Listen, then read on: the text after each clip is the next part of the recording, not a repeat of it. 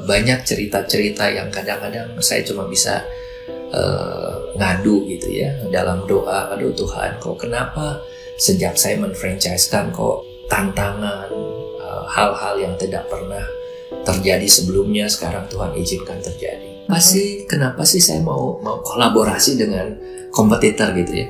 Saya cuma mengatakan adalah dulu kan kompetitor kalau hari ini jadi jadi partner sekarang adalah zamannya bukan yang punya uang mengalahkan yang tidak punya uang, tapi siapa yang cepat mengalahkan yang lambat.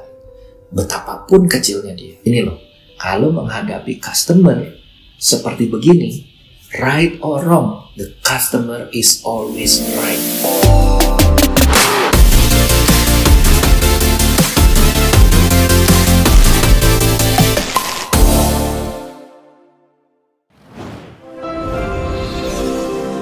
Video ini dipersembahkan oleh 101red.com. Jualan online tanpa ribet. Halo semuanya, kembali lagi jumpa di channelnya Kristinali. Kali ini aku lagi sama Ko Anton Teddy. Ko Anton Teddy ini adalah pasti udah pada kenal nih karena Ko Anton Teddy itu sering banget di interview di mana-mana. Ko Anton Teddy ini adalah pemilik TX Travel cabangnya itu udah lebih dari 200 cabang di 54 kota ya kan Ko Anton ya?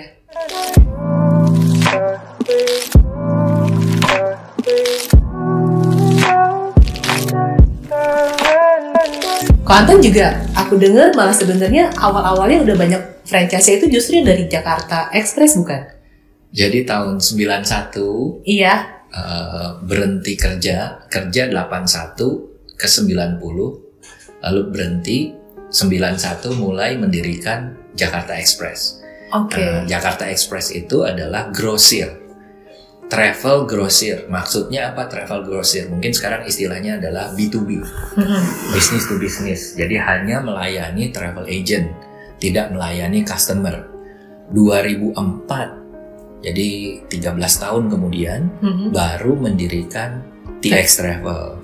Nah, TX Travel ini B2C, business to consumer. Mm -hmm. Nah ini yang menjadikan uh, lebih terkenal yeah. dalam tanda petik. Tapi sebenarnya uh, bisnis saya lebih besarnya adalah di Jakarta Express sebagai grosir.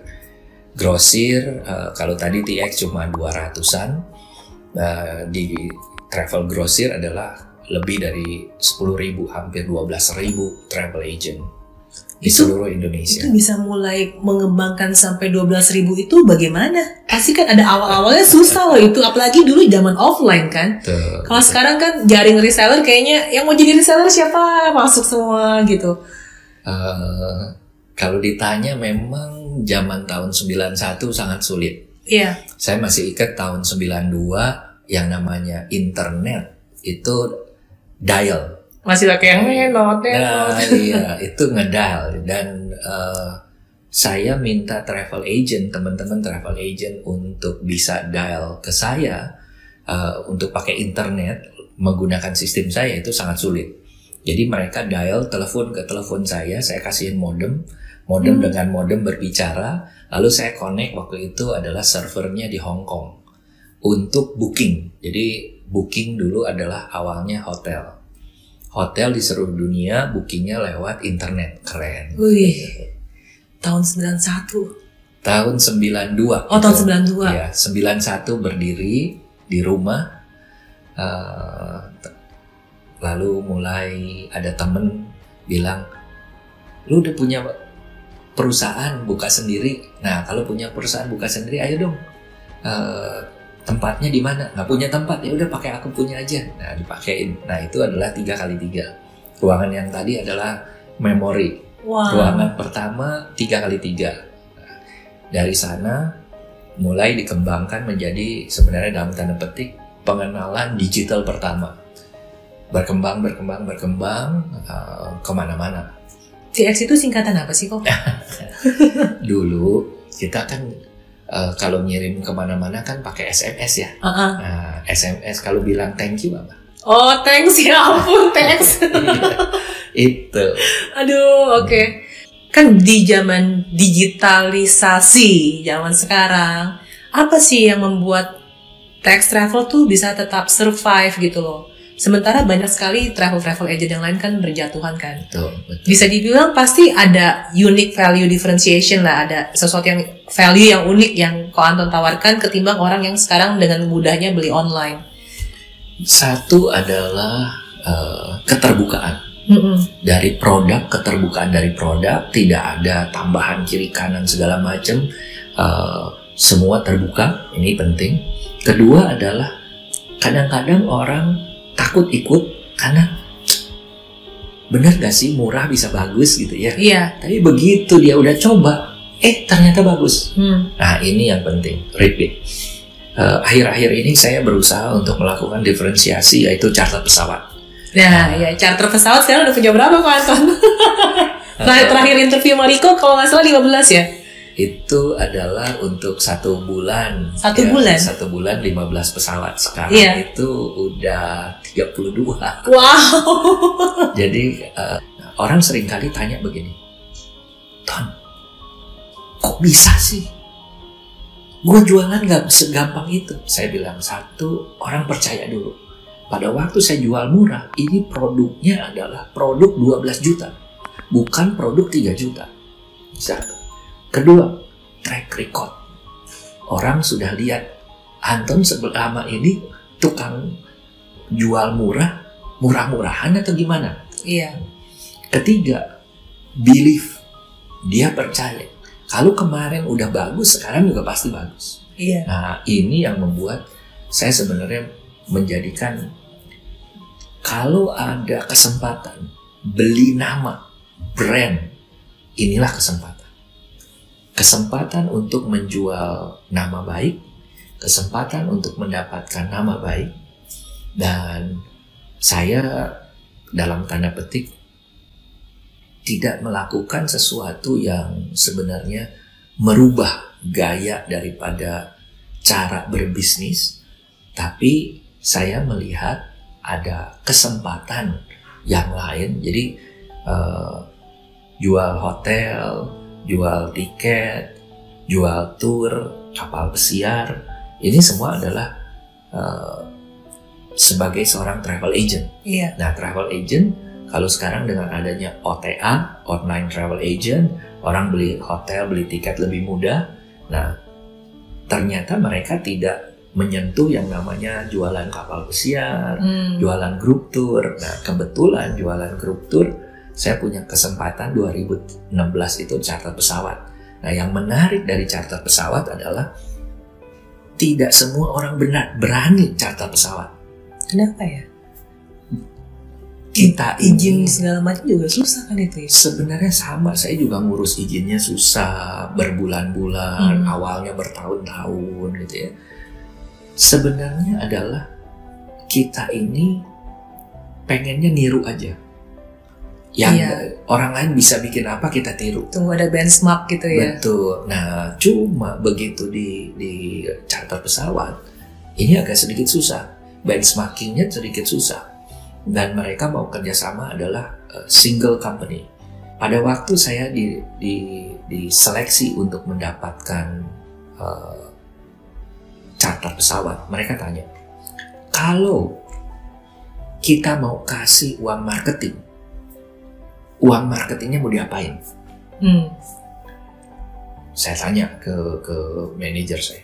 Ya pak nanti kita pasang ini pasang iklan pasang wah segala macam lah ya. Pasang semua promosi. Ini kan uang promosi. Lalu saya lagi pikir-pikir. Terus saya jalan. Hmm. menghadap ke sana. Eh nggak ada yang datang. Seharu yang diundang 15 yang datang saya sendiri saya kaget ke mana yang lain gitu ya Lalu ternyata yang lain itu tidak jadi datang karena mereka merasa bahwa ada terms and condition yang berat. Nah karena ada terms and condition yang berat, mereka menjadikan nggak mau datang. Itu yang pertama. Padahal, Kenapa? padahal baru ditanya yang marketing promotionnya gimana gitu kan? Lalu ada terms and condition. Oke. Lalu mereka tanya, saya tanya, lu kenapa nggak mau datang? Itu kan ada term conditionnya, lu nggak baca?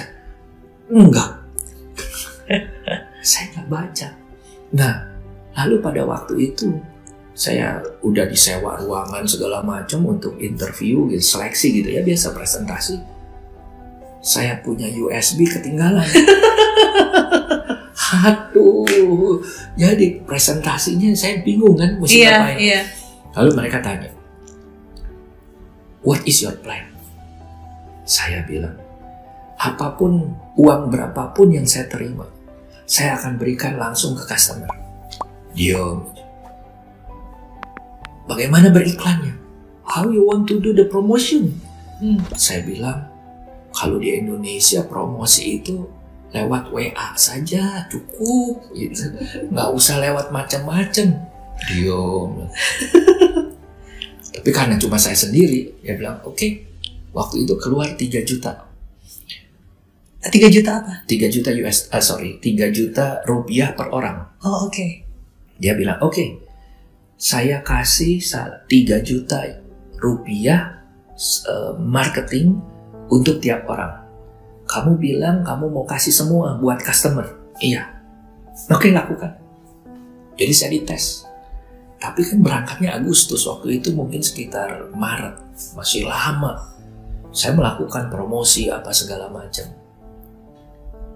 Saya cuma bersyukur setiap kali saya melangkah, saya tanya Tuhan, Tuhan, apakah ini memang jalanku?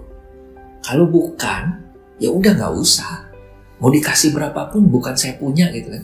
Iya. Itu pun termasuk dikasih 3 juta orang kan bisa ya masa sih nggak bisa diambil 10% ke Iya. misalnya untuk ini untuk itu saya nggak mau karena saya pada waktu presentasi kagak kagak dibawa USB-nya ketinggalan temen-temen yang lain kagak datang ya udah saya ngomongnya apa? Ada yang gampang aja. Saya bersyukur Tuhan itu baik. Eh, bulan 5 Agustus 2017 saya sampai inget tanggalnya Agustus pertama pesawat kedua. Jadi waktu itu pesawatnya itu adalah eh, satu seminggu sekali. Penuh penuh. Eh, 5 Agustus terus minggu depan minggu depan minggu semua penuh. Empat minggu penuh. Dua minggu sebelum keberangkatan saya dipanggil lagi. Dia bilang kita tuh lagi tes. Ternyata duit 3 juta kamu nggak ambil satu satu rupiah pun. Kok dia tahu ya? karena harga jual. Hmm. dan duitnya saya minta. Kamu duitnya jangan kasih ke saya. Kasihnya langsung ke airline buat bayar airline. Hmm. dia senang. Dia bilang kalau kita mau nambah dari satu jadi dua. Oh, satu pesawat Pesawat jadi dua pesawat. jadi dua. Kira-kira apa strateginya? Saya bilang tambahin dari 3 juta tambahin. Nggak tahu saya salah ngomong nggak tahu dia salah denger. Dia bilang begitu dia bilang oke surat kontrak bikin lagi keluarnya 6 juta. Buset, dua kali lipat. makanya dulu waktu pertama kali ke Hainan harga tur ke Hainan 8 juta. Setelah itu turun jadi 5 juta. Orang yang pergi belakangan bayarnya lebih murah. Kenapa? Karena saya dapat 6 juta Subsidinya lebih banyak. ini ceritanya kenapa saya merasa bahwa Tuhan itu ngebimbing gitu ya. Makanya kalau ditanya, saya orang sering kali bertanya, Banton, apa hubungannya dengan Tuhan? Saya bilang Tuhan adalah segala-galanya. Karena kalau Tuhan bilang tidak, saya tidak akan jalan. Pada waktu ini bilang jalan, sampai hari ini tahun ketiga 2017, 2018, 2019 tahun ketiga ini Agustus. Dan tiap bulan itu berapa kali penerbangan ke sana, Nah. Pak Anton? Pada waktu dia kasih 6 juta, Mm-mm. itu kan satu kali, 3 juta kan satu.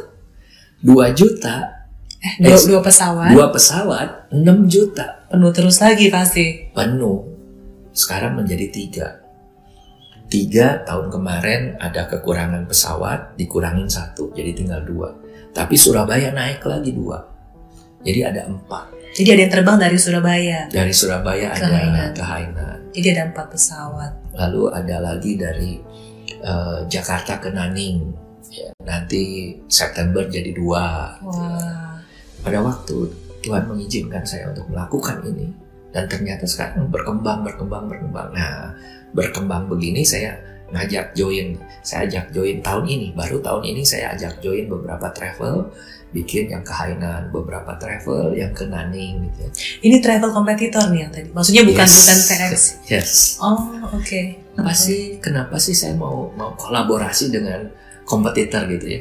Saya cuma mengatakan adalah dulu kan kompetitor, kalau hari ini jadi Jadi partner. partner, iya. Dan itu mereka appreciate karena saya membagikan tanpa mengambil keuntungan, tanpa ada kelebihan apa-apa. Dan ini apa adanya lalu kita bagi rata. Seringkali mereka bertanya, apa untungnya kamu? Saya bilang untungnya saya adalah dapat kamu. Kita kerjasama. Saat saya nggak tahu kapan waktunya nanti ada waktunya saya dibantu sama mereka juga. Tiket pesawat kan sekarang untuk di Indonesia ya. Kan mahal-mahal tuh. Ko Anton sendiri juga ada jual tiket domestik gak sih? Iya, ada dong. Nah itu menurut Ko Anton gimana? Ada penurunan dong pasti pemberian tiket? Enggak atau sama aja? Eh, penurunan tiket itu karena kita mengha- menghandle banyak eh, perusahaan. Sebenarnya tingkat penurunan perusahaan itu tidak signifikan, tapi masih turun. Ini daya belinya ya? Eh, jadi misalnya betul. Jadi misalnya tugas eh, staf kantor yang biasa dikirim sebulan misalnya dua kali menjadi sekali, dua bulan sekali menjadi sebulan sekali menjadi sebul- dua bulan sekali itu terjadi. Tapi tidak signifikan dibandingkan dengan leisure. Eh, orang-orang yang jalan-jalan nengok cucu lah, jalan-jalan ke sana ke sini gitu ya Tetap ya? Itu turun lebih banyak. Oh turun lebih banyak? Ya, itu turun lebih banyak. Tetapi kalau ditanya, bagaimana kita eh, melihat problem ini? Hmm. Satu adalah sudah lama airline Indonesia itu kesakitan, rugi terus. Kenapa rugi? Karena mereka berantem. Saingan harga. Saingan harga sekarang eh, satu pasang harga tinggi, yang lain pasang harga tinggi juga. Ngapain mbak jual murah gitu kan ya? Sekarang kalau misalnya eh, saya jual murah, ke Hainan saya jual eh, 5 juta, nggak ada yang jual 12 juta ke Hainan, iya kan? Iya. Pasti orang jualnya adalah 5 juta, 6 juta, deket-deket kan? Kalau bisa malah 5, di bawah 5 juta, di bawah harga saya. Kan Anton kan cabang segitu banyak kan? Kalau itu franchise lah ya. Waktu awal-awal kan pasti Ko Anton juga ketika ngerekrut ngerekrut karena banyak sekali tuh eh, pebisnis di Indonesia UKM UKM UMKM sekalipun masalah terbesar tuh biasanya di sumber daya manusia mencari orang yang cocok mencari orang yang loyal. Nah kemudian juga hal kedua biasanya tuh kenapa sih orang nggak loyal? Jadi ini dari sisi yang berbalikan karena kalau untuk UMKM eh, saya kerja lama-lama sama kamu apa jenjang karir yang bisa kamu kasih ke saya kayak gitu. Jadi ada dua pertanyaan tuh ya kok. Iya. Eh, SDM menurut saya adalah memang problem yang akan terus berjalan. Saya punya GM, eh, dia join saya tahun 92. Jadi bisa dibayangkan gitu ya. Saya punya finance, join saya tahun 93. Eh, saya punya staff yang udah kerja 10 tahun ke atas, mungkin 50-an persen. Wow. Jadi kalau ditanya eh, cukup nyaman buat mereka karena tentunya eh, kita memperhatikan mereka. Tapi sekarang kalau ditanya rahasianya apa? Rahasianya adalah bagaimana kita membuat mereka betah. Bisa betah nggak? Belum tentu. Eh, faktor tempat, kalau dia tempatnya kerjanya terlalu jauh nggak Hmm. bisa juga. Kedua adalah apa yang mereka pikirkan adalah sama nggak dengan apa yang didapat dari eh, lingkungan kantor, teman-temannya gitu ya. Nah ini penting. Tetapi kalau ditanya balik lagi, rahasia terbesar daripada uh, kesuksesan saya selalu melihat adalah culture. Culture-nya apa? Uh, satu adalah kita sudah terbiasa untuk saling bantu. Uh, orang sering kali tanya, kok di tempat Pak Anton kerjanya bisa sampai malam-malam, pasti uang lemburnya gede. Saya bilang, sejak dari awal sampai hari ini, tidak pernah ada yang namanya uang lembur. Jadi bisa dibayangkan, orang mau kerja pulang jam 11, jam 12, itu adalah biasa di tempat ini, tetapi tanpa uang lembur. Nah kalau ditanya, kenapa bisa terjadi seperti itu? Ini adalah dari hati, Dari hati. dari dalam yang nggak bisa kita bilang eh kamu tolong hari ini selesaikan pulang sampai malam kalau dia bilang nggak mau nggak mau dan itu kita tidak pernah uh, bilang kamu jangan pulang cepat dan lain sebagainya. Ko Anton juga ada apresiasi nggak sih buat mereka yang kerjanya lama gitu? Apakah dari sisi karir atau?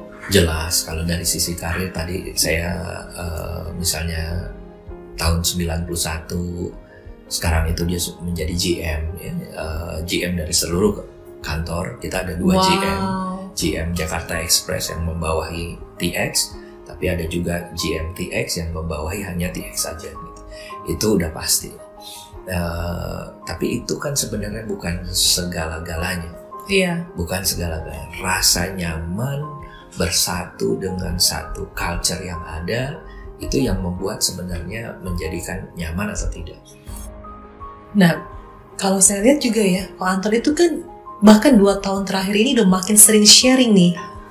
Wih, apa sih yang yang yang bikin Ko Anton tuh sampai maksud saya kalau sharing ke cabang sendiri masuk akal tiap bulan itu tiap bulan. Tapi ini sharingnya tuh sampai ke bahkan ke kompetitor juga, bahkan ke pengusaha-pengusaha startup, sampai bikin billionaire mindset lagi yang tujuh tahun lalu kan.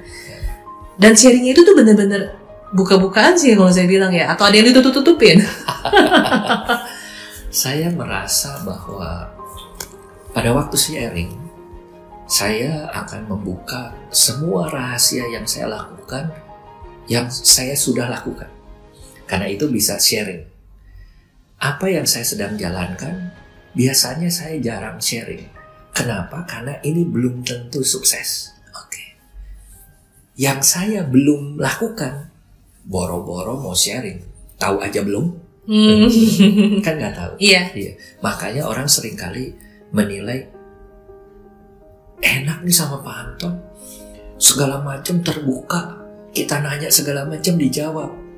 Betul, yang saya nggak bisa jawab cuma satu, besok mau ke mana? Mau ke mana ya?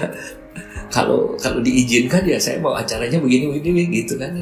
Tapi kan kembali lagi, kalau besok diizinkan, Tuhan punya rencana lain nggak? Kalau mendadak begini, mendadak begitu kan acaranya bisa berubah. Banyak saya melakukan sharing di mana zaman now itu digital adalah segalanya. Bagaimana membuat digital menjadikan uh, bukannya mempermudah kita, tapi mempermudah kehidupan kita bagaimana kita mencari dan memberikan solusi kepada jalur distribusi. Saya ini kalau jalur distribusi kadang-kadang uh, orang bingung, masa sih begitu panjang? Ya tapi ini kenyataan. Jadi saya sebagai pembuat produk, lalu saya punya wholesaler, Hmm. grosirnya, Hmm. lalu ini menjadi agen utama, lalu agen Hmm. dan subagen Hmm. ini lima layer yang harus saya eh, apa ya? Eh, harus saya handle. Bagaimana membuat kalau sekarang itu dengan digital aplikasi kita bisa langsung nyampe ke sini gitu ya. Kalau dulu gimana? Betapa susahnya. Iya. betapa susahnya. Dulu ada mesin fax tapi keterbatasan sekali. Dulu ada pager tapi kan keterbatasan sekali Ko Anton, aku kan kemarin ada interview Ko Tommy Wong kan. Ko Tommy Wong itu kan uh, ketua umum ketua umum. Nah, Kotomi yang bilang nih, yang foundernya itu bukan aku, kata Kotomi. Foundernya itu Ko Anton. Nah, alasan Ko Anton itu sampai membentuk uh, komunitas billionaire mindset itu tuh apa ya? Uh, 2012 saya mendapatkan satu anugerah the best franchisor. Ya, nah, tadi jadi tolak padahal. saya kebetulan yang yang menolak dan yang memberikan adalah orang yang sama, okay. ketua umum yang sama. Uh, jadi dalam waktu 8 tahun saya berhasil menjadi the best franchisor perusahaan franchise di Indonesia uh, untuk lokal. Lalu uh, mereka bilang, Pak Anton, kita sering dengar Pak Anton tuh sharing, karena tapi sharingnya kan internal. Ayo dong, ajarin kita juga Nah, mulailah saya diajak keliling Indonesia. Jadi saya ke Bandung, ke Semarang, Surabaya, Medan, Makassar ya, untuk ngajarin bagaimana orang-orang yang mau yang bagus, yang bisa difranchisekan untuk bisa menfranchisekan. Hmm. Menjadi franchisor. Hmm. Nah, tapi 2000 itu 2013, 2012, 2013 tapi saya eh, 2014 merasa apa yang saya lakukan itu ternyata tidak berhasil. Kenapa tidak berhasil? Mereka sudah punya usaha, tetapi apa yang mereka lakukan tidak menjadi maksimal menurut saya. Artinya orang yang jago di daerah bawa produk ke Jakarta nggak berani.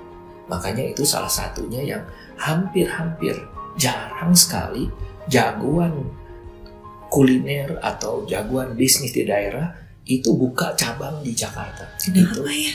Itu yang yang eh, saya melihat kendalanya adalah di mindset, pikiran, mindsetnya belum nyampe. Makanya lahirlah namanya billionaire, billionaire mindset. mindset. Bagaimana kita merubah mindsetnya dulu? 2014 2015, 2016, 2017 uh, mungkin sudah ada ribuan, puluhan ribu member komunitas yang yang tidak punya tidak kita apa ya kita kita sebut tidak banyak ketergantungan juga gitu ya. Bukan komunitas yang harus dihandling terus. Ya kita mengadakan secara rutin uh, ada mingguan, dua mingguan, tiga mingguan, bulanan, dan cukup menarik. Ini berhasil membuka wawasan. Tapi yang paling saya senang di sana akhirnya lahir yang namanya aspirasi asosiasi penulis dan inspirasi motivasi Indonesia lahir ADE asosiasi uh, digital entrepreneur Indonesia gitu ya. Uh, lahir ini lahir itu senang jadi ini adalah cikal bakal dari banyak eh, komunitas-komunitas uh, lain. Saya bersyukur bahwa ini bisa diterima. Saya juga bersyukur bahwa ini menjadi berkat. Dan Pak Tommy adalah salah satu uh, yang saya respect. Beliau adalah ketua umum yang kedua jadi yang pertama uh, setelah selesai masa tugasnya, lalu saya memaksa memaksa Pak Tommy untuk uh, mengambil posisi sebagai ketua umum karena uh, saya tidak berminat untuk menjadi ketua umum juga karena kesibukan dan lain sebagainya. Pak Tommy saya ancam kalau Pak Tommy nggak mau jadi ketua umum, saya bubarkan ini di mindset. Nah, Pak Tommy nitip tuh pertanyaan, tanyain gih ke Ko Anton, kenapa sih milih gue jadi ketua umum? gue tuh nggak mau loh padahal gitu. saya sebenarnya melihat Pak Tommy itu sebagai seorang yang orang yang uh, sudah di atas turun dan bisa bertahan. Hmm. Dan ini nggak banyak bisa dilakukan. Kedua adalah beliau sangat humble ya. Yeah. Iya. Uh, siapa pun dia uh, layani dia dia penuh dengan satu dedikasi yang menurut saya adalah luar biasa dan uh, tidak ada lain selain Pak Tommy yang memang cocok menjadi ketua umum Billionaire Mindset dan sekarang makin besar.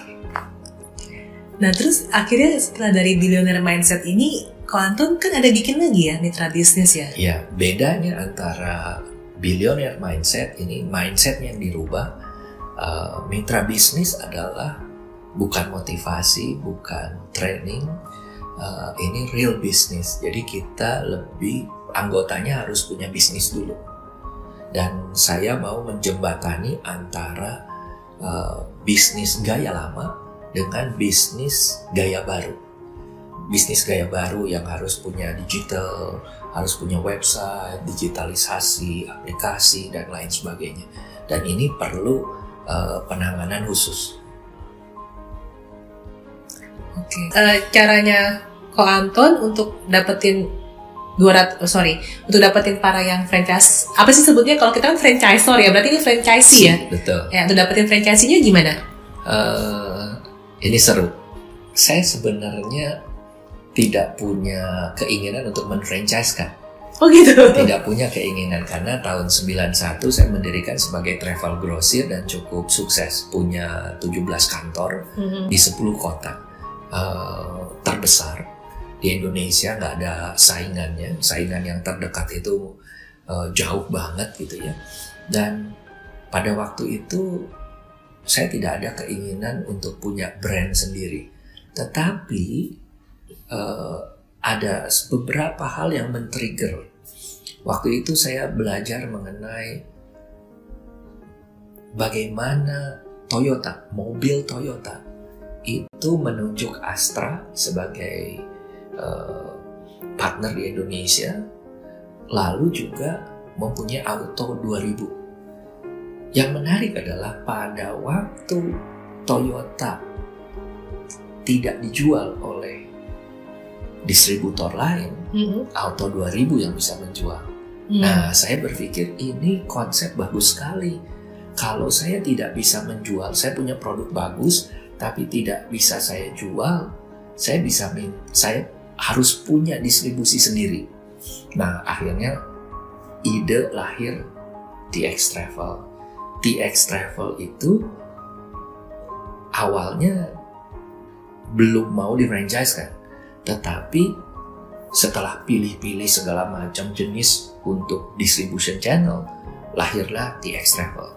Nah, TX Travel mau di franchise kan ceritanya. Mm -hmm. Saya datang ke Asosiasi Franchise Indonesia, AFI, Asosiasi Franchise Indonesia, ketemu ketuanya, Pak Anang Sukandar saya bilang, Pak, saya mau franchise. Oh boleh.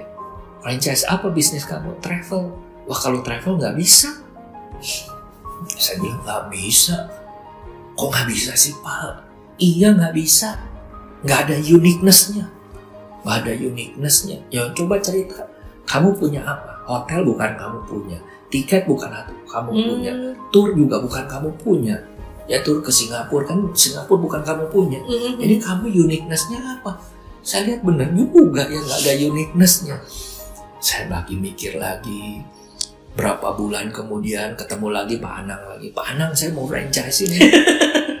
Pak Anang bilang nggak bisa. Itu saya masih ingat sampai tiga kali ditolak ketemu sampai di Singapura. Saya bilang ini Pak Anang ada travel di luar negeri itu udah di franchising Iya, tapi mereka nggak ada nggak ada uniqueness, nggak bisa, nggak bisa, nggak bisa. Itu seba, sebagai uh, advice ya. Iya. Bagus, bukannya bilang kamu nggak boleh, bukan, nggak bisa. Nanti terlalu gampang entry levelnya. Makanya tidak ada travel yang di franchise kan di Indonesia. Saya pikir benar juga sih. Ah, lalu satu hari saya banyak berdoa di sana saya satu hari ikut uh, dalam satu seminar. Ada kurang lebih 300-an, 400 orang dalam seminar itu. Hari itu, Mark Plus mengadakan seminar mengundang Luke Lim. Hmm. Luke Lim ini adalah uh, ahli branding yang khusus untuk franchise. Mm-hmm. Pada waktu itu adalah dia membawa Bretok ke Indonesia. Oh, Bretok ke Indonesia. Nah, dia yang yang menggolkan. Jadi uh, ini orang hebat sekali dan dia dibawa dalam acara itu. Dari ratusan orang yang hadir, si Pak Hermawan itu memang kenal. Dia teriak di depan, Pak Anton. Dia sebutnya Jakarta Express karena TX belum lahir. Pak Anton, Jakarta Express, jangan pulang dulu. Saya mau kenalkan kepada Luklim. Siapa tahu kamu, Pak Anton mau menfranchise-kan. Saya bilang ini uh, Tuhan calling nih, ya, Oh, Tuhan iya, iya. manggil gitu. Iya. Ini saya kan nggak cerita apa-apa ke dia, nggak cerita mau franchise, nggak nggak ada cerita. Waduh deg-degan, deg-degan, udah deg-degan. Saya cari waktu untuk ketemu dia, susah sekali. Begitu ketemu, dia bilang, oke, nanti saya atur waktu lagi.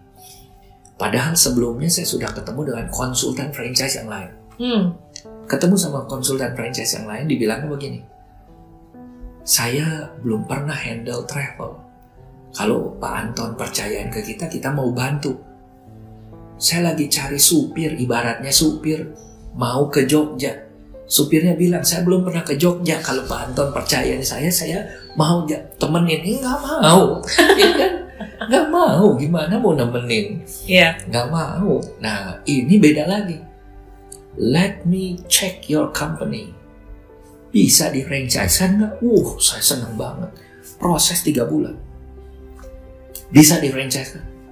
Saya tanya dong, what is the uniqueness-nya? Iya, baru sih mau tanya. Terus terus. Iya. Dia bilang, uniqueness-nya is you. Uh, saya Wow. Mi, iya. Dia bilang, iya. Saya ketemu banyak orang. Produk boleh sama. Uniknya kan. Saya bilang, dilihat dari mana? Ah, pada waktu tiket, kamu tadi bilang, tiap orang bisa cross-selling. Orang pesen di Jakarta. Dulu kan tiket pakai paper tiket. Mhm. Nggak seperti elektronik. Iya. Orang beli tiket di Jakarta bisa ambil atau diantar di Surabaya. Nah ini uniqueness. Wow, mulai digali banyak. Dari situ saya lapor lagi ke asosiasi franchise. Pak Anang, unik Yesusnya begini. Pak Anang diem, nggak kepikir juga dan dia bilang, oke, silahkan. Mulai jalan. Nah, dari situlah sebenarnya eh, asal muasal TX lahir.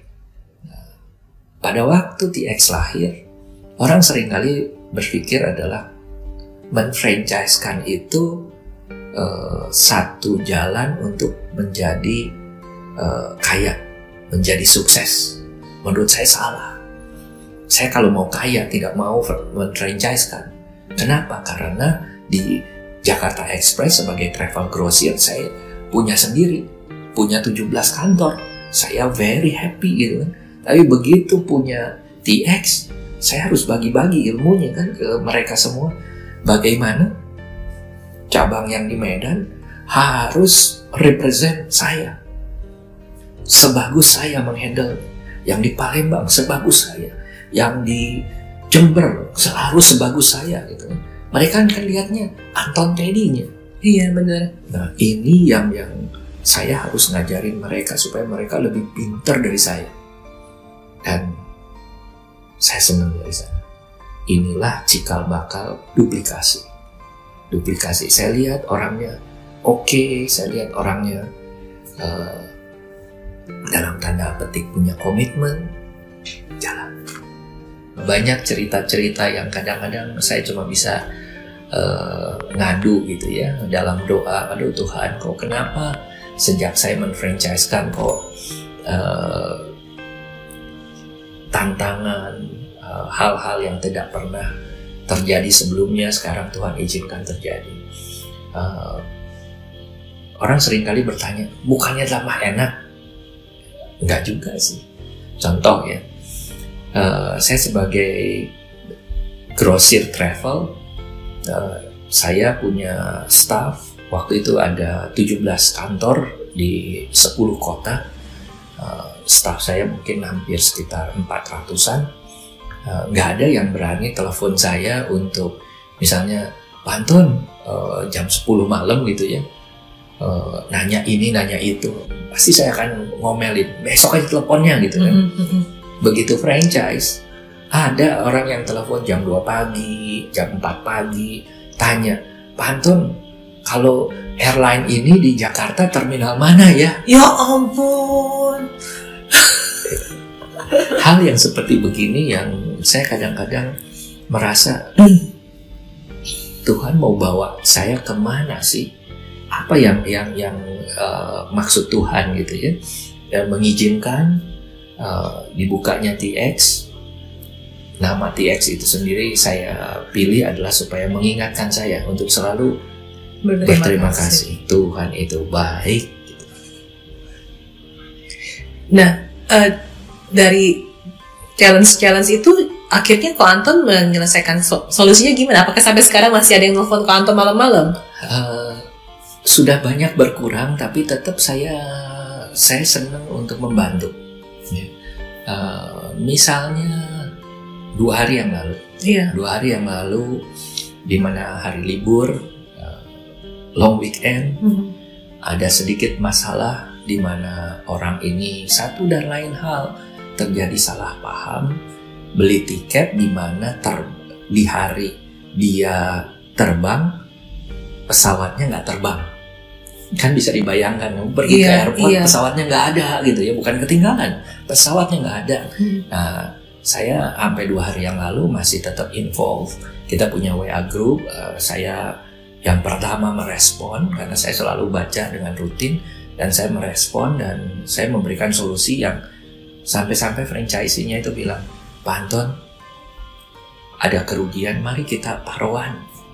Bukan salahnya pusat. Salahnya pusat ada, tapi bukan 100% salahnya pusat.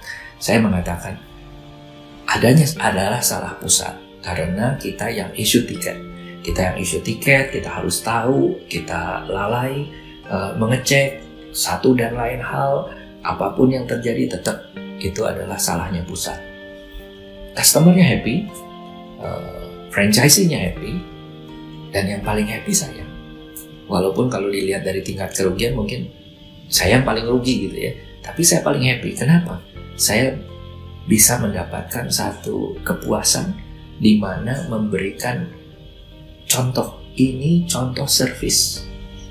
Dengan begitu, tiap cabang franchise franchise ini pada waktu mereka mengalami hal yang sama dengan customernya langsung tanpa ada pusat, mereka sudah dikasih contoh oleh pusat. Ini loh, kalau menghadapi customer seperti begini, right or wrong, the customer is always right. Wow. Mantap. Karena kita ngajarin bisnis, Iya. ngajarin bisnis eh, bukan bukan cuma produknya, tapi adalah bagaimana menjalankan real bisnis di dalam kehidupan dan yang real.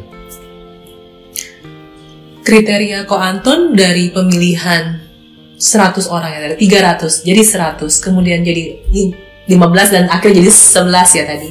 Itu apa aja? Sampai hari ini kriterianya masih sama, eh, hampir 85% ditolak.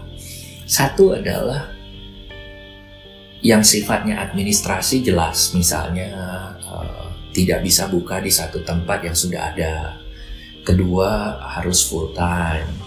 Ketiga, yang ini sebenarnya yang paling eh, kunci daripada segalanya, saya harus merasa cocok. Kalau di dunia bisnis kan, kalau kadang buku-buku bisnis rata-rata bilang jangan terlalu uh, ada unsur kemelekatan antara owner dengan bisnisnya kan. Karena ibaratnya kita juga ingin bisnis autopilot. Nah, sementara konsepnya Ko Anton itu inginnya si owner harus tiap hari datang ke kantor kah? Atau gimana gitu loh yang dimaksud Ko Anton? di dalam eh, kriteria memilih owner yang harus involve ini adalah owner operator. Owner operator itu dalam satu tahun pertama harus full. Iya. Tahun kedua apa yang terjadi di kantor dia sudah bisa bayangkan visualisasi. Dan yang lagi penting adalah dia paham bisnisnya apa. Misalnya ini isu tiket, isu tiket itu seperti apa? Bisa divisualisasi. Depositnya kurang. Deposit kurang itu apa maksudnya? Jangan dia nggak ngerti gitu. Nah kalau nggak ngerti kan gimana mau jalanin bisnisnya. Uh, saya melatih mereka bahwa tuh saya melatih bagaimana menjadi penjual yang baik, bagaimana menjadi penjual yang jujur, bagaimana menjual produk-produk itu dipasarkan bukan semata-mata untuk mencari keuntungan. Keuntungan itu akan datang. Tetapi pada waktu kita menjual, nah ini yang penting. Hmm. Bagaimana kalau kita menjual produk, produknya itu adalah tidak bagus. Saya selalu mengatakan, kalau ada produk yang tidak bagus, jangan dijual. Kebetulan kalau kalau travel itu nggak ada eh, hotel busuk gitu. Kalau barang kan ada yang busuk. Jadi sama, hotel pun ada yang tidak bagus. Hotel yang tidak bagus jangan dijual. Eh, program tour yang tidak bagus jangan dijual. Yang dijual adalah yang bagus. Ibarat kita mau pakai buat kita sendiri nggak? Mau makan buat kita sendiri nggak? Jadi saya tidak pernah menjual produk-produk yang saya tidak suka. Saya punya filosofi itu begini. Papa saya mengajarkan, kalau bisa jual produk murah, kenapa jual produk mahal? Terus saya bilang, kalau jual produknya murah, untungnya juga sedikit. Papa saya tanya, mau untung sedikit tapi banyak yang beli dan terbeli lagi, beli lagi, Repeat order. repeat order, atau orang beli sekali kapok. Iya. Ya tentu saya mau yang banyak repeaternya. Nah makanya TX itu uh, dikenal dengan produknya murah, tidak murahan. Produknya murah, dalam tanda petik tidak ada uh, agenda yang disembunyikan, semuanya transparan. Apa yang dilihat itu yang didapat. Oke, Ko Anton. Nah, sekarang ini udah cukup panjang ya kita berbicaranya. Paling yang terakhir adalah kira-kira eh, Ko Anton nih. Ko Anton tuh punya anak ada empat orang kan. Nah, Ko Anton tuh ngajarin anak untuk mulai berbisnis itu gimana sih? Mungkin pertanyaannya kan nggak semua orang itu punya koneksi, punya modal. Nah, cara cara Ko Anton buat sekalian eh, kasih pesan-pesan ke mereka yang nonton di video ini eh, apa ya bisa dibilang mulai bisnis itu gimana memulai bisnis Sering kita dengar bahwa memulai bisnis adalah mulai dengan passion. Ini sangat klise, tapi banyak benarnya. Jadi saya mengajarkan kepada anak-anak saya adalah apa yang mereka suka, apa yang mereka inginkan. Setelah itu saya baru menganalisa bisa jadi duit apa enggak. oh gitu Anak saya yang pertama dia senang jalan-jalan. Dan saya bilang senang jalan-jalan ini adalah biaya yang paling mahal. Bagaimana nggak punya duit bisa jalan-jalan? Dia bilang iya. Nah, tapi mumpung mereka waktu itu masih jadi eh, masih belum merit, saya ajak mereka keliling-keliling lihat dan siang eh, nomor satu namanya Laura, dia bikin namanya yourmoon.id your moon yourmoon.id di Instagram. bulan your Iya, moon bulan betul. Honeymoon. oh Nah, jadi ini yourmoon.id.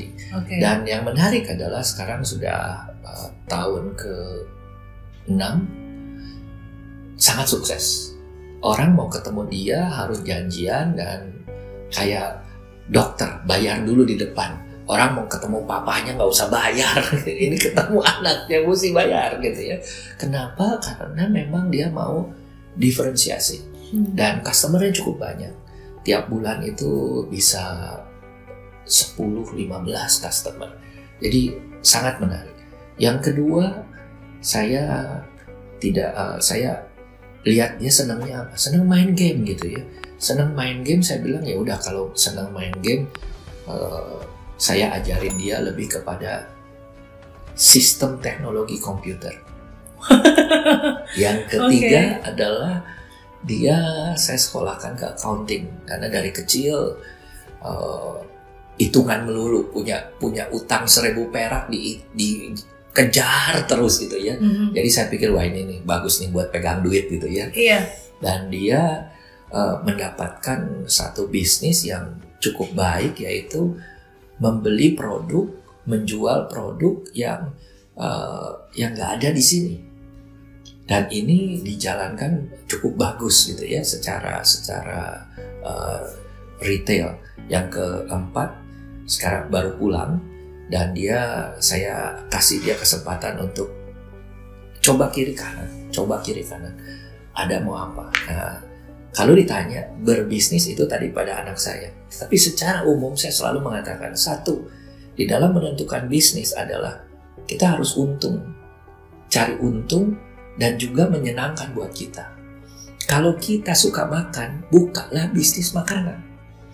Kalau kita suka makan, tapi nggak buka makanan, nanti kita makannya ke tempat lain. Daripada makan ke tempat lain, makan ke tempat sendiri aja. Kedua adalah kita sering kali berpikir modal bagaimana. Zaman sekarang, zaman now, modal itu bisa kita, kalau idenya bagus, bisa menjadi proposal. Uh, bantu saya dari Moka, dia sekolah di Amerika, dia kerja di Amerika, waktu pulang ke Jakarta, dia dimodalin orang. Sekarang Moka adalah POS yang paling besar di Indonesia. Nah kalau ditanya ide-ide sekarang itu tidak cukup cuma ide saja, bisa nggak kita implementasi? Iya. Uh, yang ketiga adalah kita bisa juga sharing. Tadi ide-ide ini kira-kira ada cocoknya nggak? Kalau ada cocoknya, ada orang uh, responnya cukup bagus, jalankan. Sekarang adalah zamannya bukan yang punya uang mengalahkan yang tidak punya uang, tapi siapa yang cepat mengalahkan yang lambat betapapun kecilnya dia. Mau nanya satu lagi sih sebenarnya. Yes. Jadi gini, kalau kita kan uh, apalagi kayak kalau Anton bisa dibilang generasi generasi uh, apa ya disebutnya baby boomer kali ya. Yeah. Uh, sekarang kan banyak orang kayak kita misalnya kayak Anton karena kan pasti ketika udah punya anak udah mampu lah mampu. Nah gimana biar memiliki seorang anak tuh yang jiwa survivalnya bisa sama kayak kita dulu survive padahal bukan dalam kondisi yang kepepet lah. Sulit. Sulit ya. Sulit. Apakah uh, mesti dibikin dikondisikan? Kan yang namanya orang tua pasti ya dulu gue susah nih, ya udah deh lu jangan susah. Cumanya padahal itu kan bisa senjata makan Tuhan juga kan.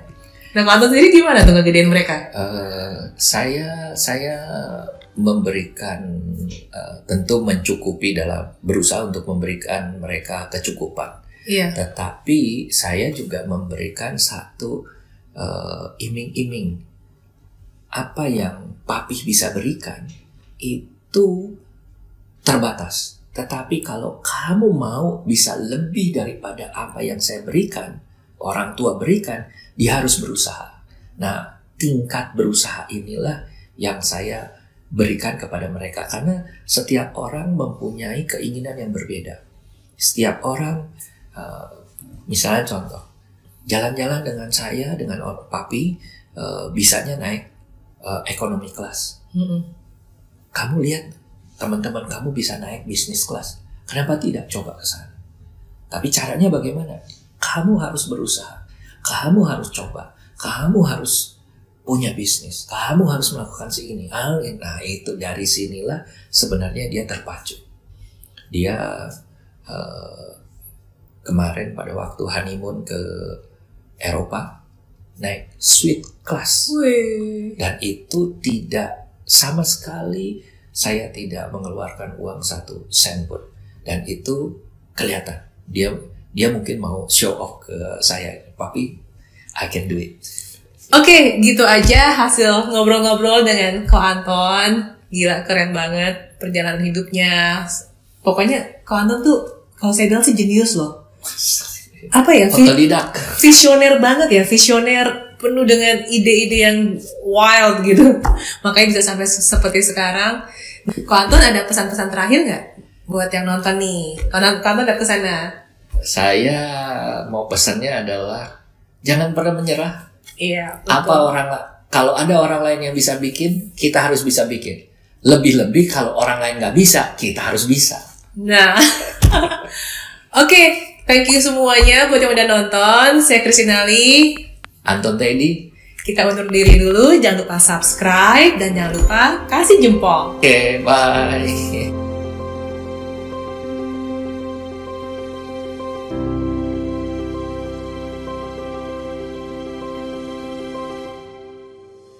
Tidaklah masalah berapa kali kita gagal.